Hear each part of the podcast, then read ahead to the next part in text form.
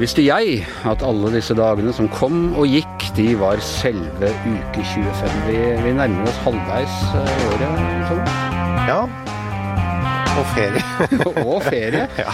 Dette er den eh, nest siste podkasten vi skal ha før, før uh, sommerferien. Det er jo litt av en liste av gjester vi har vært gjennom uh, siste uka. Det, det har vært, uh, det har vært gøy. Ja. Ikke uka, ukene. Ukene. Ukene, Ukane, som du ja. Ukene har vi vært gjennom eh, eh, Se hvor langt tilbake hukommelsen min strekker. Ja, Carl I. Hagen hadde vi jo her. Minneverdig. Det var første gang vi var tilbake her i studio etter, eh, etter eh, karantenetiden. det, Carl I. Hagen kom med dressjakke og joggesko. Ja. Ja. Og klart og tydelig gjennom. For. Vi fikk jo ja, Forrige ukes gjest, Jonas Gahr Støre, var jo litt kritisk til intervjuet. Hvordan syns du vi skal ta den kritikken? Mente vi hadde vært litt snille. Jo, men altså I politiet, f.eks., og også i rettssalen, så er det jo en del en avhørsteknikk som heter fri forklaring. Ja? Da er det jo nettopp Poenget er jo at eh, tiltalte skal få prate fritt og uavbrutt så lenge som mulig. Ja. Vi har jo veldig observante og smarte lyttere, og de klarer jo da å skjønne at oi, her henger ikke helt sammen. Så du tenker at vi er en slags sånn politietterforskere som opererer ut fra den nye revolusjonære avhørsmetoden good cop, good cop, rett og slett? ja, det er det jeg. Den ene stiller et veldig snilt og lett spørsmål, og så overrasker den andre. Da sitter, da sitter tiltalte eller gjesten eller hva jeg skal kalle det, og venter. Å ja, men nå kommer det tvert et nei. Da kommer det til et enda snillere spørsmål. Ja, og så når eh, når intervjuet er over, så kommer det en hyldningsmail etterpå som ikke lytterne engang får høre. For eksempel, jeg rødmet jo da jeg leste den hyllesten din til Carl I. Hagen som du sendte etterpå, hvor du roste han så kraftig, Anders. Jeg er glad for at korttidsminnet mitt er borte, for det kan ikke jeg huske i det hele tatt. sånn at jeg gjorde. Nei. Men eh, det er helt riktig. altså Greia her er jo at folk skal få prate ut og sånn bla, bla, bla. Vi er så kritiske ofte, vi journalister, men her får folk Og dessuten må man jo si med Carl I. Hagen, det er litt vanskelig å skulle gå i Han mener jo egentlig det motsatte av nesten alle. Så Han gjør det. Det er sånn at du føler at han står opp midt på natta, kler på seg og går på jobben baklengs. ja. Alt er motsatt. Eh, vi, vi kan ikke akkurat si at vi drev statsministeren fra skanse til skanse heller, de 20 minuttene vi hadde med henne. Som et jaget dyr. ja. Nei, det vil jeg ikke si. også fri forklaring. Ja, absolutt. Og det, det vil jeg si at eh, Jonas fikk også Ja. snakke fritt. Altså, det å høre folk bli avbrutt i mediene nå, når det er så korte segmenter, det er ganske vanlig. Enten de er avbrutt av reporteren, eller så er de bare klippet av. Så at det er litt, eh, litt prat talerom, det er ikke Det syns jeg Det får være greit. Men eh, det er altså Da har vi hatt eh, en, eh, en eldre statsmann, en statsminister og lederen for opposisjonen. Og i dag topper vi laget. Velkommen til deg, eh, Eivind Trædal, bystyrerepresentant for Miljøpartiet De Grønne. Takk skal du ha. Vi har altså hatt eh, besøk av, av eh, Eller vi har delvis besøkt, hatt besøk av Carl I. Hagen, statsministeren og Jonas Gahr Støre. Hvordan føler du det at du Hvordan vil du plassere deg selv i det selskapet? Det var veldig naturlig progresjon der, syns jeg. Vi har jo på en måte en som har vært eh, en gammel veteran. Jeg har jo sittet i bystyret i, i fire år med Karl Ivar, som jeg kaller han, og vært i komité med han, så han har jo fått oppleve mye. Ikke enig om alt, men går an å prate sammen. Eh, og så har jo Jonas Gahr Støre har jo hytte ved min barndomsøy, så jeg føler jo at vi, eh, vi har noe felles. Erna Solberg har jeg ikke møtt så mye, Nei, men dette men er, en, eh, dette er eh, klassisk firkløver som jeg tror de fleste ser på som en sånn logisk eh, Ja, det er lett å, slenge de fire navnene opp, liksom. Kan du se deg selv i en sånn rolle en dag? eh, Som statsminister, leder for opposisjonen eller eh, det viktigste Eller som en tidligere politiker som er ganske overbevist om at han har hatt rett i veldig mange saker. Det siste i hvert fall helt sikkert, kan jeg se for meg. Ja. Det tror jeg er det viktigste egenskapen til alle politikere. er At man går og samler opp ting man føler at man definitivt har rett om, og så gjerne bruker litt tid til å forklare det også når man er ferdig med politikken. Og underveis, selvfølgelig. Sånn helt sånn identitetsmessig, føler du at det der er noen andre enn deg, eller føler du at det er det samme Jo, det er jo åpenbart forskjell på maktnivå, da. Men jeg tror jo politikere på høyt og lavt nivå, veldig mange er jo om man skal si, Man deler jo mange av de samme eh, egenskapene kanskje lite grann. Og eh, arbeidshverdagen er veldig forskjellig, men eh, grunnoppgaven er jo den samme. Å prøve å representere folk og sette seg inn i veldig veldig mange saker og mene noe sånn halvveis klokt om alle. Og kunne svare godt på spørsmål og smile og si takk for innspill når noen kjefter deg ut. Det er mange sånne fellestrekk da, i jobben, sikkert. Men dette er ikke den strategi altså Det er strategi du følger når du jobber i bystyret og jobber politisk. Og Ja. kompromisser. Det er ikke alltid den linja du legger opp til på sosiale medier, Det- hvor det er der du egentlig er mest kjent. Ja, det er et godt poeng. Nei, det har jeg ofte tenkt på, hvor eh, vanskelig det er å vite hvordan man framstår utad. Men eh, vi lever jo dessverre i en tid hvor eh, det å være hard i klypa på sosiale medier har jo blitt liksom en av de store Det har jo ført en mann til toppen av verden, uten at jeg ønsker å modellere meg etter han, men det er jo interessant å se, da. At det er liksom der vi er. Eh, men samtidig så er det litt eh, Jeg tror alle tider skaper sine politikere, da. Så jeg mener sånn som Karl Ivarsen Radheim, han gjorde seg jo mest berømt i starten bare ved å være flink til å kikke inn i TV-kamera og være god på TV. Nå leste jeg akkurat biografien om Trygve Bratteli, og han var kjent som en supergod politiker som var kjempedårlig på TV. Så du har jo sånne Mediene former jo politikerne òg, og det er litt sånn rart å tenke på. Hva får vi ut av sosiale medier? Jeg vet ikke om vi får bedre politikere, men vi får kanskje politikere som oftere prater direkte til folk, da. Og får direkte innspill. Det er ikke noe buffer mellom deg sjøl og liksom eh, fyren med bil som profilbilde, som er sint pga. bompenger. Han, han får jeg veldig direkte inn i fjeset mitt, og det ville jeg kanskje ikke fått hvis jeg bare var hang rundt blant mine venner der jeg bor i byen, da. Men tenker du på noen måte hvordan din opptreden på sosiale medier kan være mer konstruktiv enn f.eks. Trump sin? Ja, det tror jeg. Men det viktigste du kan gjøre der, er jo å snakke med folk som du ellers ikke ville snakka med, tenker jeg. For det har jeg tenkt på. At det er veldig mange som gjennom sosiale medier kommer i kontakt med folk som er utafor deres vanlige sosiale sirkler. Så Det er jo lystida. da, at Også i dag så ser vi at veldig mange unge stemmer, så er ofte minoritetsstemmer som ellers ikke ville vært sosialisert inn i media, da, som ikke har foreldre som jobber i bransjen eller ikke har de rette bøkene i hylla, kan slå seg opp og fram bare ved å være på en måte flink til å formulere seg, flink til å tenke. Og Det er i hvert fall en av de store lyssidene jeg har sett. At liksom plutselig så dukker det opp nye fjes som ellers ville hatt ganske trang vei inn i offentligheten, da, men som får det nå. Men du, du og jeg hadde en liten beef her for et Ja. år siden om solskam. Ja, det husker jeg. Åh, Jeg husker ikke detaljene, men jeg husker ja, at det var, det var deg og Vebjørn Selbekk og meg. Jeg oss tre. Tre gamle kamerater som plutselig røk uenige der. han prøvde å kjøre det opp i år igjen, men da skjøt jeg det ned. ja. Ok, ja. Men hvem vant den debatten? Eh, Det gjorde sikkert ingen, eh, men jeg har jo reflektert over at det, det var jo noe Vebjørn Selbekk sjøl fant på, da, skal sies. Jeg, jeg hadde jo ikke brukt det ordet. Jeg sa bare at jeg syns det er skummelt med det varme været, og så mente han at det da var en indirekte påføring av skam. Og så mente jo jeg, uten å skulle gjøre en 13. recap av hele debatten, så, så, så mente jeg at eh, Vebjørn Selbekk og alle mennesker bør kanskje ikke være sånn kjempehissig på å påføre andre skam. At han er liksom veldig på ballen for å prøve å, å mene at pride er et problem hver vår og sånn. Så det med påføring av skam er jo på en måte han god på, men her var ikke jeg så opptatt av det, da. Eh, jeg jeg syns ikke vi skal skamme oss over at sola skinner. Det blir liksom vanskelig, for det får vi liksom ikke gjort noe med. Jeg husker ikke engang hva min, min egen rolle var der, men grunnen til at jeg spør er at, eh, at For du har jo gitt ut en bok om Ja. hvordan man vinner debatten. Ja, om, Mot ytre høyre, riktignok. Klimadebatten Ja, ja, har jeg gitt ut en annen bok om. Men eh, da, da påsto jeg ikke at jeg skulle vinne debatten, for det Men dette med å vinne debatt er det jeg egentlig da lurer på. Altså, Hvordan vinner man debatt, og hva vinner man når man vinner en debatt? Steike. Jeg vet ikke hvordan man vinner. Altså, Den målbare metoden i dag er jo tydeligvis å få flest mulig likes, da. Men det er jo ikke så Nei, man vinner vel en debatt hvis flest mulig blir enig med en sjøl. Det er vel ganske åpenbart. og man klarer å liksom overbevise andre. Så det er vel målet for alle, antar jeg, eh, som deltar i debatten. At folk skal like det og synes at det de sier er smart, og så bli enig med dem. Eh, men så er det klart at det hender jo kanskje på sosiale medier at man bruker mye tid på å krangle med folk som aldri blir enig med deg, og det er jo en vanskelig ting å vurdere, da. Eh, og så kan man jo si at veldig ofte så er jo en debatt som foregår mellom to veldig sterke meningsmotstandere. Når jeg og Karl Ivar står og, eller sto da, i bystyret, og han argumenterte for at klimaendringer ikke eksisterte, og jeg påpekte at jeg tror de gjør det, så var jo ikke målet vårt at den andre skulle bli overbevist. Men eh, sannsynligvis var det vel ingen som ble overbevist, for i bystyret så er de fleste ganske enige om hva de mener allerede før de kommer inn. Men teorien er jo da at publikum skal se på dette og si ok, jeg syns at han hadde bedre argumenter enn han. Så det er jo også øh, Ofte sitter man jo kanskje og spiller for galleriet, og ikke for å overbevise den andre. Jeg er jo litt opptatt av det òg, da. At man tenker gjennom liksom sånn Det er ikke nødvendigvis sånn at jeg og Vebjørn Skjelberg er opptatt av å overbevise hverandre, men det kan jo hende at vi ønsker at folk der ute skal se. Ellers så hadde vi vel ikke stått der på sosiale medier og mast. ja. Men det må jo sies at uh, for så vidt begge dere to har ganske mye stamina på sosiale medier. Ja. Fordi eh, Så det er ikke noe sånn at du tenker at Eller noen av dere tenker at det å ikke gi seg Altså, det, det, det, for det å få, vanligvis så er det jo sånn at det å få siste ordet i en debatt, da har man vunnet. Ja, det nytter ikke.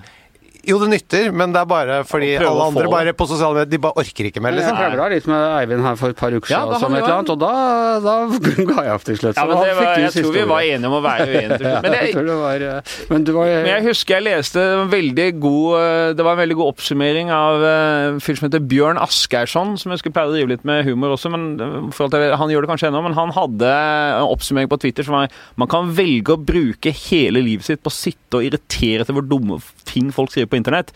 Jeg velger det. Det var, det var på en måte hans eh, mission Det statement. ligger jo en eh, underholdningsfaktor i det. Absolutt. Hvorfor ikke? Åh, jeg kjenner jeg visner inni meg. For et liv.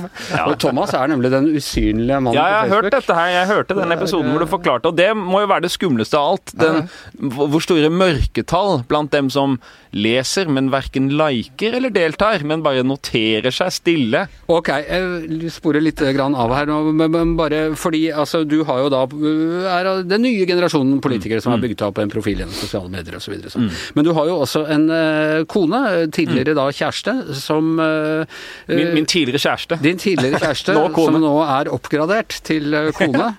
Eh, og føler du av og til at du og ditt prosjekt da kan komme litt i veien for hennes eh, seriøse politiske Vet du hva, Jeg har ofte opplevd det motsatte. Det er jo fint å ha sånne apropos good cop, bad cop. Så jeg møtte en fyr som hadde meldt overgang fra et annet parti til MDG på landsmøtet vårt forrige gang. Og sånn, Jeg meldte meg inn i MDG, og det verste med å gjøre det var å komme i parti med deg, men det beste var å komme i parti med kona di. Ja, Så, det- nei, men det var jo da, Det tar det som en slags kompliment, tenkte Ja. jeg da. Men eh, nei, altså, jeg har, opp, jeg har opplevd at folk ser på det som to forskjellige mennesker. Og så er det jo sånn at eh, jeg tror man kanskje eh, tror at i, vi også er mer forskjellige enn vi er, da. Det er jo Noen velger jo å vise fram sine aggressive, liksom tøffe sider eh, veldig åpent, mens andre kanskje er mer beregnende i hva man på en måte, hvordan man framstår utad, og ikke kanskje har en hva man skal si, en disse, fri det, flyt av denne meninger. noen er det kona di? Din tidligere kjæreste? hun er, hun, hun er vel sikkert en smartere politiker, for hun da ikke La oss si hvis det er noen du umiddelbart tenker sånn Å, det der irriterer meg. Så skriver jeg Jeg tenker jo nesten aldri inni meg. Da tenker jeg bare med en gang tar jeg bare rett ut. Det er litt som at noen ikke klarer å lese uten å bevege leppene. Det er litt sånn med meg og fingrene av og til. Tenke og liksom la være å skrive. Eh, og da tenker jeg kanskje at eh, hun er vel den mer normale politikertypen som da tar en kanskje tre-fire ekstra avsjekker før man eh, Kanskje ikke det var Den umiddelbare responsen var det man skulle få ut, da. Hun er det som kalles strategisk. Ja, det er vel også en egenskap mange politikere ja. Nei da, men man, Krangler dere mye? Hvem, Å, ja, og, og, hvem, ja, og hvem vinner debatten da? Eh, Det er jo som regel henne, da. I veldig stor grad. Men, Men vi, er, vi er lite uenige om politikk, da. Det er jo mer sånn eh, Nå skal vi flytte, f.eks. Da blir det jo mye Da er det jo alltid noen som eh, har gjemt den tingen jeg trodde at jeg hadde pakka osv. Så, videre. så det er litt sånn Ja. Men hva, hvordan Hva sier hun er irriterende med deg når dere krangler? Da vi krangler, da sier hun at jeg Nei, nei gudene vet. Jeg, det er vel at jeg er eh, sikkert at jeg f.eks. anklager henne for å I denne sammenheng f.eks. Hvis, hvis jeg har glemt å, å ordne noe, og så lurer jeg på hvor det er, og så sier jeg at det er hun som har gjemt det, eller et eller annet, eller ikke Ja, du vet. De vanlige tinga, vil jeg si. Men sier Men hun at du aldri gir deg, f.eks.? Nei, jeg gir meg veldig fort, jeg. Du gjør det, ja? I sånne sammenhenger. Ja, ja, ja, absolutt. Det har jeg, det Du vinner ikke den debatten? Nei, jeg er ikke noe Du kranglefant kommer ikke den til å gi ut en bok om slik vinner du Nei, på debatten ingen med kona måte. Ja, slik, slik vant jeg debatten mot min ekskone. altså, jeg liker jo Min favorittbok i den sjangeren er vel uh, Trygve Hegnars uh, 'Hva var det jeg sa?' Hvor han bare har samla alle sine lederartikler. er Det viser et nivå av selvsikkerhet uh, på vegne av egne meninger. den har kommet til, det har kommet til en ny utgave Ja, også. ikke sant? Og, Jo, men han har jo rett, altså. Det, så sterk tro på egne argumenter tror jeg ikke jeg har sjøl. Altså. Nei, jeg har, eh, Jeg har til og med ombestemt meg på et par punkter, tror jeg. Det må være lov. Ja. Du, eh, en annen ting vi må snakke om, eh, det er syklister. Ja! Endelig. for. Du har jo vært opptatt av islamofobi og sånne ting. Mm. Eh, og jeg er i ferd med å utvikle sånn velocepedifobi Du er redd nå for syklister? Altså Jeg begynte med at jeg var veldig positivt innstilt. Så fint om jeg sykla, jeg sykla selv, og så fint at det blir sykkelstier i Oslo. Dette er jeg veldig for, og sånne ting. Og nå slik enkelte, ikke jeg, Ja. eh, mener om muslimer. Så Nå er mener jeg at de tar seg til rette, og de har ikke bare tatt sykkelstiene, Mm. de har tatt gatene, de tar fortauene. De er overalt. Og de har, hele- Ja, de er skumle for oss fotgjengere. Er en, en, Mm. en veldig, mm, veldig habil fotgjenger. Mm. Og eh, det er noe med at jo mer rettigheter du gir dem, jo mer tar de seg til rette. Og det har vært en slags snikvelocid... Velocipedering. Ja. ja, den har jo nesten ikke vært snik engang. Det er jo Ja, det har vært veldig eksplisitt program. Altså hvis Det fins kanskje ikke noe eksplisitt program eh, som er lett å finne opp, som er liksom eh, at muslimenes overtakelse av Europa. Den er liksom, det, er, det er ikke noen som har klart å spore opp det originale programmet, tror jeg. Men når det kommer til sykkelplanene, så er jo de vedtatt i bystyret. og de kan jo finnes Arabia-programmet ble vel vedtatt på OPEC. Ja, det var kanskje det det var. Men eh, det er jo uh, Jeg har jo hatt den motsatte teorien. da Jeg husker jeg skrev en tekst før valget 2015 som var sånn ikke ekstremist, bare syklist. For jeg prøvde å påpeke at sånn med sånn radikaliseringsteori at fordi syklistene har følt seg uvelkomne i gatebildet, så har man følt at jeg er en outlaw. Det er ingen liksom plass for meg her. Jeg er mellom alle kategoriene, så jeg kan like gjerne bare ta meg til rette og sykle på rødt og kjøre over fortauet. Det er liksom, siden jeg uansett ikke passer inn, at det er den derre de radikale taperne i, i, i bybildet, liksom. Og så har jo teorien vår vært, da, det får vi se om det stemmer, at når, de da, når man får egne lys og gater og sånn, så vil syklistene etter hvert i større grad, i hvert fall jeg føler det sjøl, at jeg er liksom mer enn i min eh, radikale sykkelungdom i byen, så eh, er jeg nå flinkere til å stoppe på rødt og være, følge alle regler. Nå gjør jeg det selvfølgelig også fordi jeg sitter i bystyret, men jeg føler jo liksom at det er sånn Fordi nå har jeg min egen vei og mitt eget lys, så da Men det er det som er problemet. Du, Det som kan skje nå, er at bilistene blir den, Kanskje den sinte begynner hvite mannen. Ja, det fins én, i hvert fall. Jeg har leste akkurat en konflikt nå ved Bjørvika, hvor i Barcoden der så har de stengt av en av gatene. Og der er det en fyr som har drevet og frest over den lille gressplenen jeg skrev der. Som, han har en egen vei, men han er så sur for at han ikke kan kjøre der, at han har gjort det mange ganger. Det er sånn bilspor i den gressplenen. Men hvis du kjører Ja. bil ned rundt i områder i Oslo sentrum som er lov nå, det føles nesten som å gå med et sånt ja til apartheid Ja, det er dypt problematisk, selvfølgelig. Men er du enig i at syklisten er i ferd med å bli et problem? At de må stoppes? jeg syns jo Jeg tror det, det som er sant, er i hvert fall at jo flere nye syklister vi har, jo flere folk er det sikkert som trenger å lære seg reglene og, og kanskje tar seg litt mer til rette. Så det er, jeg tror vi er i en overgangsfase. Litt som når bilen først kom til Norge. Eller i hvert fall særlig når den ble frisluppet etter krigen, da, etter mange år. Så var det jo kjempehøy mengde ulykker og trøbbel, fordi folk ikke var vant til å ha den friheten. Og det, og det var ikke så mye gode regler, og det var ikke så liksom, trygge biler heller, så folk freste jo bare rundt og meide hverandre ned ganske lenge.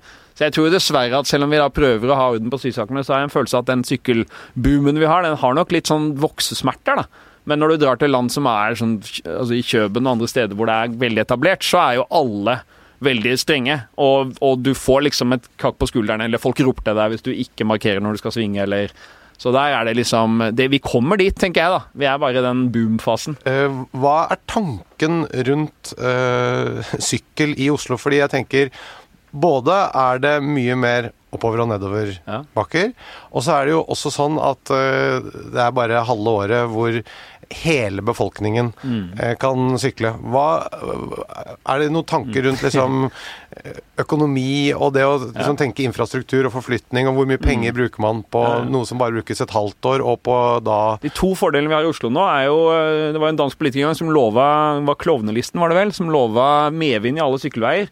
Og det får du jo med elsykkel, da. Så for alle som har det, så går jo de bakkene veldig lett eh, opp fra byen. Og Det andre er jo med vinterdriften som vi har satt i gang. Det har vært en kjempesatsing fra byrådet. At man prøver å rydde alle fortau og, og sykkelveier for snø hele vinteren. Og det, det ser vi enorm effekt av. da. Og som jeg, jeg har jo sykla rundt i mange år, og det føler jeg er bare et spørsmål om piggdekk og, og klær. Ikke alle er enige, men jeg syns det funker veldig bra. Men hvis du er 70 eller Ja, det er jo litt Poenget er jo sånn hvis alle som kan sykle, sykler, så blir det veldig god plass på bussen og, og bilveiene for de som er 70. da. Så det er jo en eh, Man må jo tenke at eh, ikke alle kan kjøre bil, og ikke alle kan sykle, men eh, hvis flere og flere gjør det, så er det bedre. Skal Oslo bli helt fritt for privatbiler? Uh, det har jo vært min drøm lenge. Jeg er jo vokst opp på en bilfri øy. Så jeg har jo, jeg, Det har jo for øvrig også byutviklingsbyråden, som fikk barn i går. Som jeg, jeg sitter i byutviklingsutvalget, hun er byråden. Og vi er begge fra en øy med 230 innbyggere og ingen biler, så den konspirasjonsteorien er jo egentlig at åpent oppe i dagen. Litt Hvem forskjell på å bo på en sånn bitte liten eh, baker på en bitte Ja. liten øy og bo i en hovedstad. Men det som er litt likt, da Jeg er enig, du kan ikke en, organisere en hel by sånn. Men det vi hadde, var jo på en måte en hverdag der hvor skolen, barnehagen, butikken, fritidstilbud, tjenester, alt mulig var bare tilgjengelig med sykkel og gange. Og så skulle du, skulle du på jobb eller langt unna, så tok du bilen.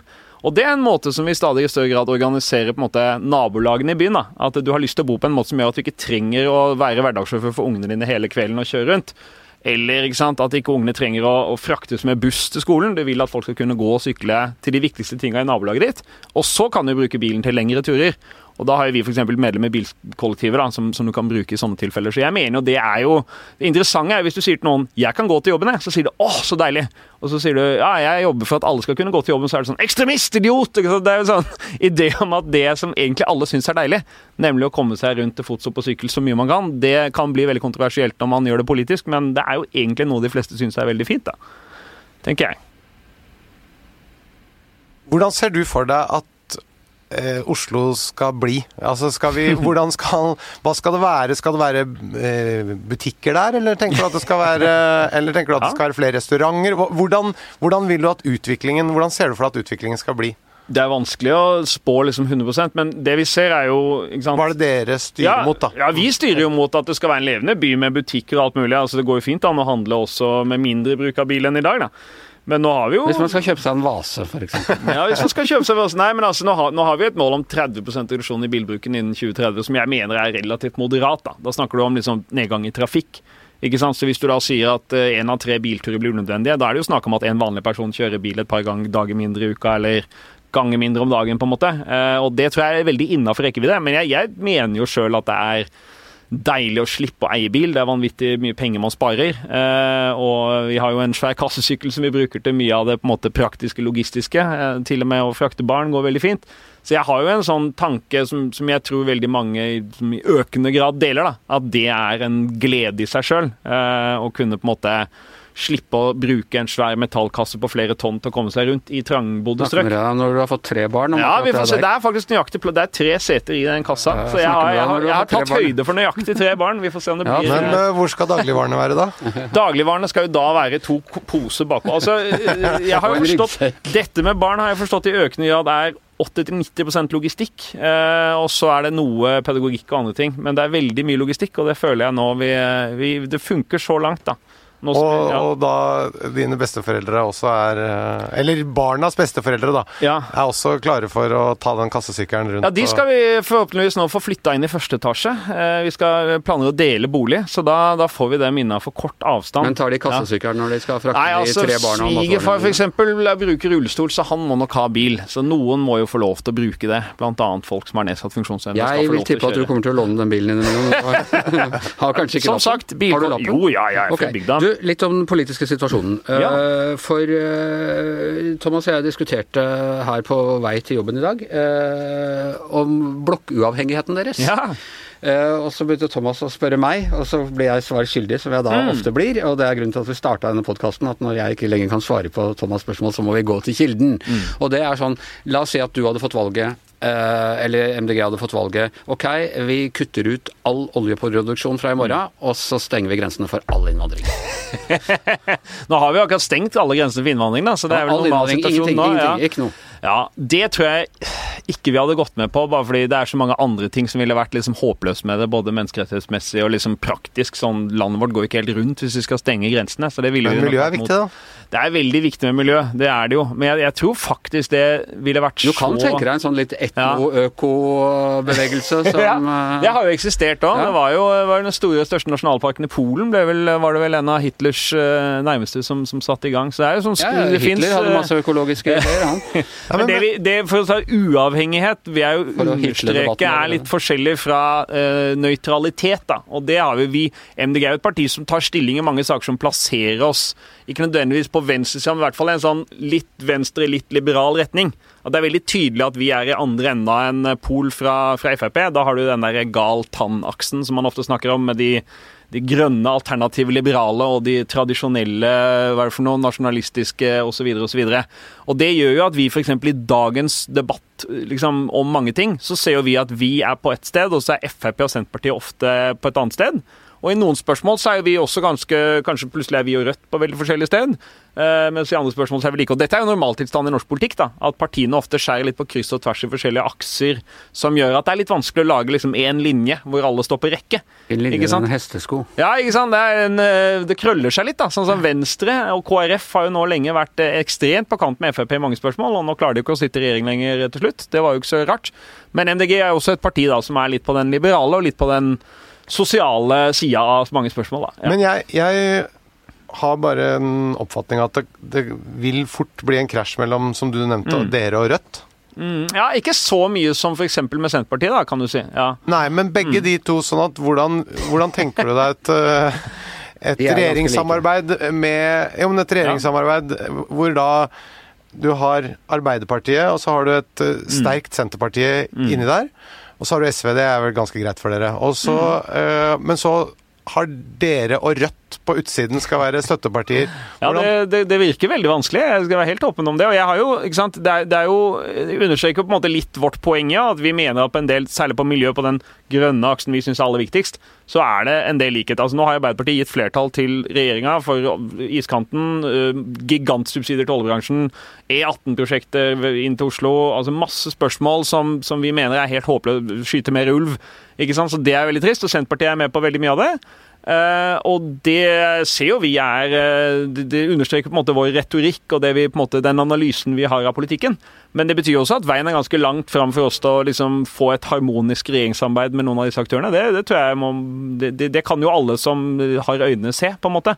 Uh, og det, ja. hvem, hvem, tenker du er lettest å få med på et grønt skifte av LO og NHO, da? Nei, det, det, er også et veldig godt spørsmål. Det fins jo en fersk analyse av det, som er sånn hovedgrunnen til at miljøproblemene sliter, er at det klassiske venstresiden fagbevegelsegjengen er bremskloss på veldig mye grønn utvikling, fordi de er redd for arbeidsplasser, og NHO og næringslivsorganisasjonene er bremskloss på den andre sida. Og da har du de to sterkeste aktørene i norsk politikk. Da er det flotte trepartssamarbeidet som vi er så stolte av. Sånn at vi, vi har en enorm utfordring der. Og så kan jeg jo si da Er de helt, også, er de helt like store bremseklosser, eller er de Nei, og det er jo helt avhengig av hvilket fagforbund du spør, og hvilken del av NHO du spør, liksom. Så det er jo, dette er jo konglomerater av forskjellige aktører. Så vi har jo deler av fagbevegelsen som er kjempeprogressive, og de har jo De holdt jo på å knekke to, senest vel forrige felleskongress, hvor de var genuint på, på miljøspørsmål, hvor det var full clinch, ikke sant.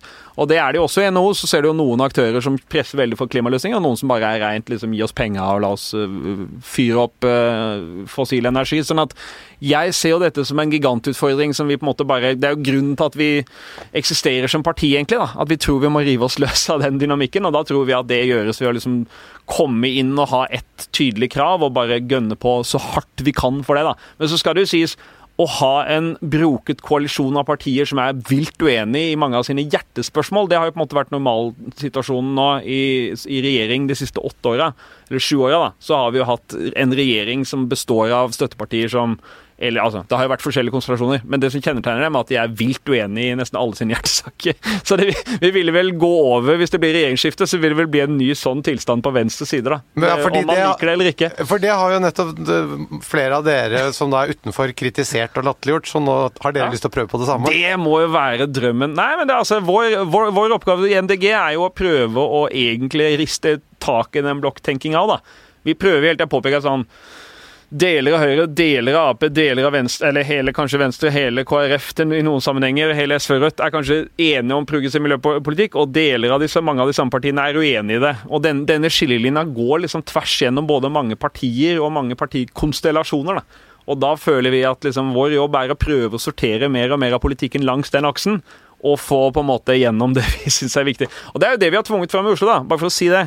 Uh, Ap i Oslo mener jeg har beveget seg mye lenger i grønn retning. Det vil ikke de være enig i, men jeg tror det stemmer etter at de gikk i samarbeid med oss. Og så etter at det viste seg å være politikk som mange likte, så har Høyre er nesten ikke til å kjenne igjen. Ikke sant? De gikk jo ut og tilbød De sa jo at de ville gå i byråd med oss etter valget nå, og tilbød liksom at vi kan selvfølgelig innfri masse MDGs politikk. Og det er jo et resultat av at vi har skapt et tyngdepunkt i den grønne politikken, da, som de andre er nødt til å forholde seg til. For det er jo en kjøttvekt, ikke sant. Så det er jo det som er drømmen nasjonalt òg, at vi skal skape en sånn nok kjøtt på den kjøttvekta til at de andre partiene må gravitere i den retninga. Sånn at ikke alt bare blir sånn uh, kappløp mot uh, stupet. Har dere bestemt dere for stortingsvalget? Nei, vi, det er jo ikke noe offisielt vedtatt strategi ennå der, så det må vel tas fram mot neste valg. Men jeg, vi har nok godt altså jeg, jeg, opplever i hvert fall at partiet er ganske innstilt på å felle den regjeringa vi har. men det er jo ikke på hvilken som helst premiss. Altså, hvis det finnes, hvis Ap og Senterpartiet er de åpenbare som skal ta over, og deres løfter er liksom å trykke litt hardere på gasspedalen i olja og sånn, da gjør de situasjonen vanskelig for alle som er miljøvennlige, og det gjelder jo både SV og, og Rødt. da. Så da, Det er jo en god måte for dem å torpedere sin egen sjanser til å få regjering på. da. Ja, fordi hvis du, hvis du, har Arbeiderpartiet mm. og Senterpartiet som de klart eh, sterkeste i den regjeringen. Ja. Så nevnte du jo Du retter jo ganske kraftig kritikk mot Arbeiderpartiet her nå Ja. i forhold til hva de hadde vært egentlig enige med regjeringen om. Ja. Og så har du Senterpartiet På Stortinget, riktignok lokalt, er de ofte mye mer progressive. ja. Men og så har du Senterpartiet, som jeg antar ikke er nærmere eh, deg og dere. Nei, det er, vel, det er vel mer spørsmål om de lokalt samarbeider vi ofte, nesten oftest med Senterpartiet. Det er jo litt komisk å se, men eh, og hun som vi har Vi har jo fått senterpartist i, i, i bystyret også i Oslo. Høyre har jo lenge ment at Oslo da kanskje må miste bystatusen. De har jo alltid ment at det er liksom Fordi vi har fått Å ha en senterpartist i kommunestyret er ikke verdig en by, mener, eh, mener de. Men, Jeg eh, er litt enig med Høyre. men jeg syns Jeg hun tenkte er det eh, samme, jeg tenkte jeg ikke skulle si det. Ja, jeg har jo ikke sagt det. Jeg syns hun er kjempehyggelig, eh, vår lokale det senterpartist. Men hun er hyggelig eller ikke. Eh, nei, også ofte fornuftig standpunkt. Men poenget mitt, vi samarbeider godt med dem lokalt. Men nasjonalt så har jeg opplevd at Senterpartiet gjør vel ofte oss nesten til en hovedfiende. Så det skaper jo noen utfordringer.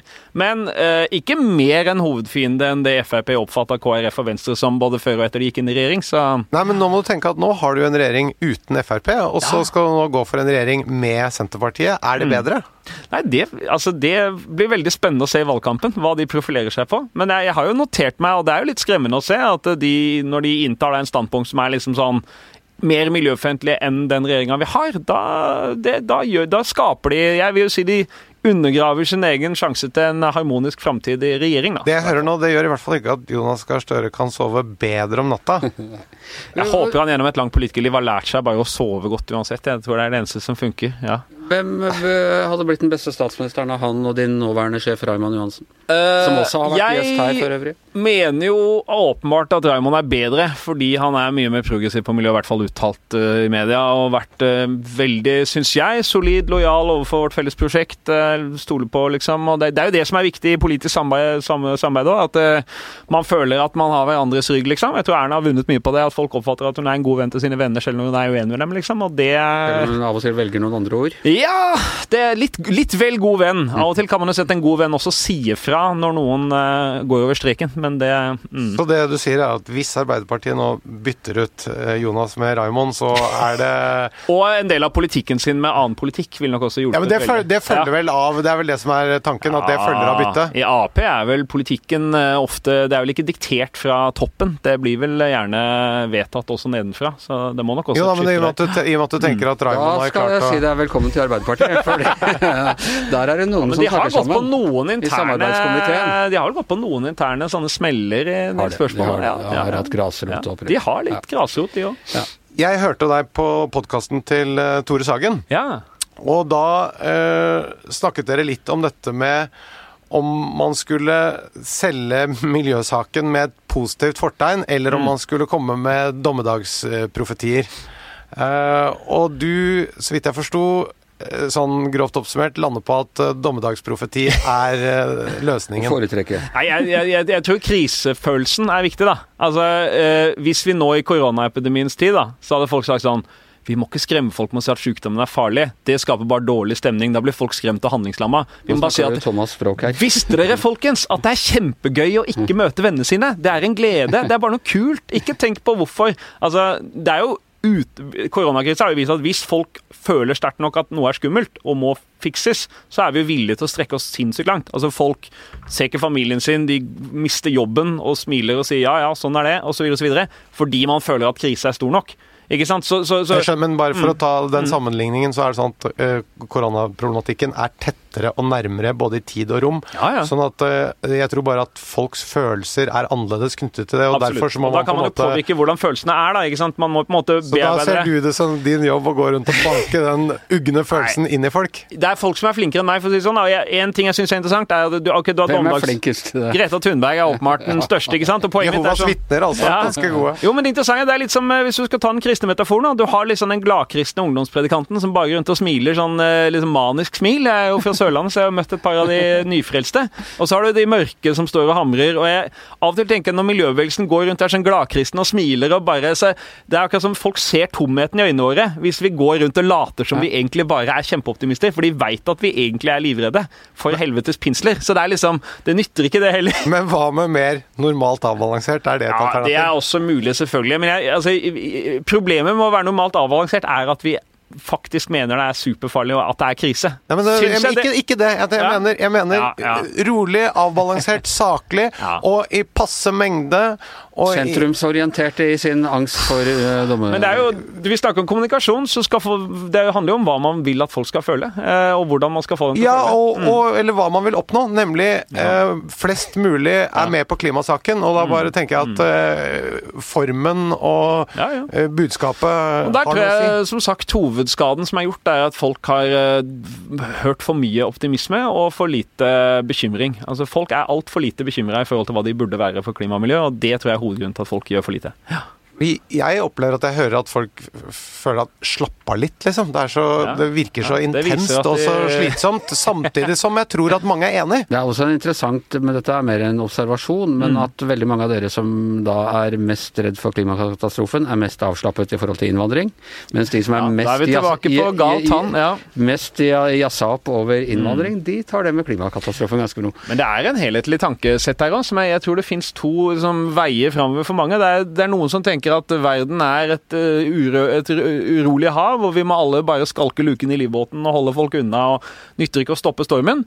Og så er det noen av oss som tenker helt motsatt, at vi må prøve å gjøre det vi kan for å dempe stormen, og vi må hjelpe andre, og, og vi er i en livbåt i universet, på en måte. Vi er alle i den samme båten. Og de to tankesetta henger litt i hop, sånn at MDG er på en måte på den uh, hele jorda er vår felles livbåt-tankegangen, og så er det andre som er sånn Norge er livbåten, og steng ute alle de andre. Og, og det tror jeg blir, det blir en sterkere og sterkere motsetning i åra som kommer. Nå er det mulig at vi blir hjulpet av helt andre krefter, for Maya, den gamle Maya-kalenderen som de Mm. har regna på på nytt, viser at uh, jorda skal gå under denne helgen. Så da blir det verken innvandring eller uh, eller Passer veldig dårlig, altså, rett før fellesferien, men Jeg uh, vet ikke om jeg skal ja. si heldigvis eller dessverre, eller, men, uh, men det er rett og slett uh, vår tid ute. og- Det var da en veldig mørk avrunding. Du mener, du mener at vi for sikkerhets skyld skal si eh, ha det på en få ordentlig ut måte? podkasten før jorda går under, ikke sant? Ja, ikke Ja. hvis vi får den ut til klokka tre på fredag, så, så er det Kan vi ikke nå, kan vi ikke nå Det var en tredje bare vei. Jeg lette etter en tredje vei Nei, det var jo ikke en tredje vei, det var bare enda lenger, enda mørkere. Kan vi ikke heller nå Jeg, jeg likte det du sa i sted, Eivind, om at uh, vi ikke trenger skammen, men at, hvis jeg forsto deg riktig, Ja. at eh, det er fint vær ute. Vi trenger ikke skamme oss for det, men vi skal ha høy bevissthet om klimasaken. Er det Kan vi, kan Vi skal gå på den? være den moderat bekymret, mener du. Nei, jeg, jeg har ikke Jeg, jeg Treffe tar noen dette moderate forholdsregler. jeg tar og- dette på fullt alvor, og så er jeg bare opptatt av å se hvordan eh, kommer vi til målet. Kontrollert panikk eh, kan vi alle Vi går rolig mot utgangen alle sammen. Ja, Nettopp! Ja, Ja! Det, det, Svettende med litt sånn raske steg, men ikke skrikende. Ja, ja.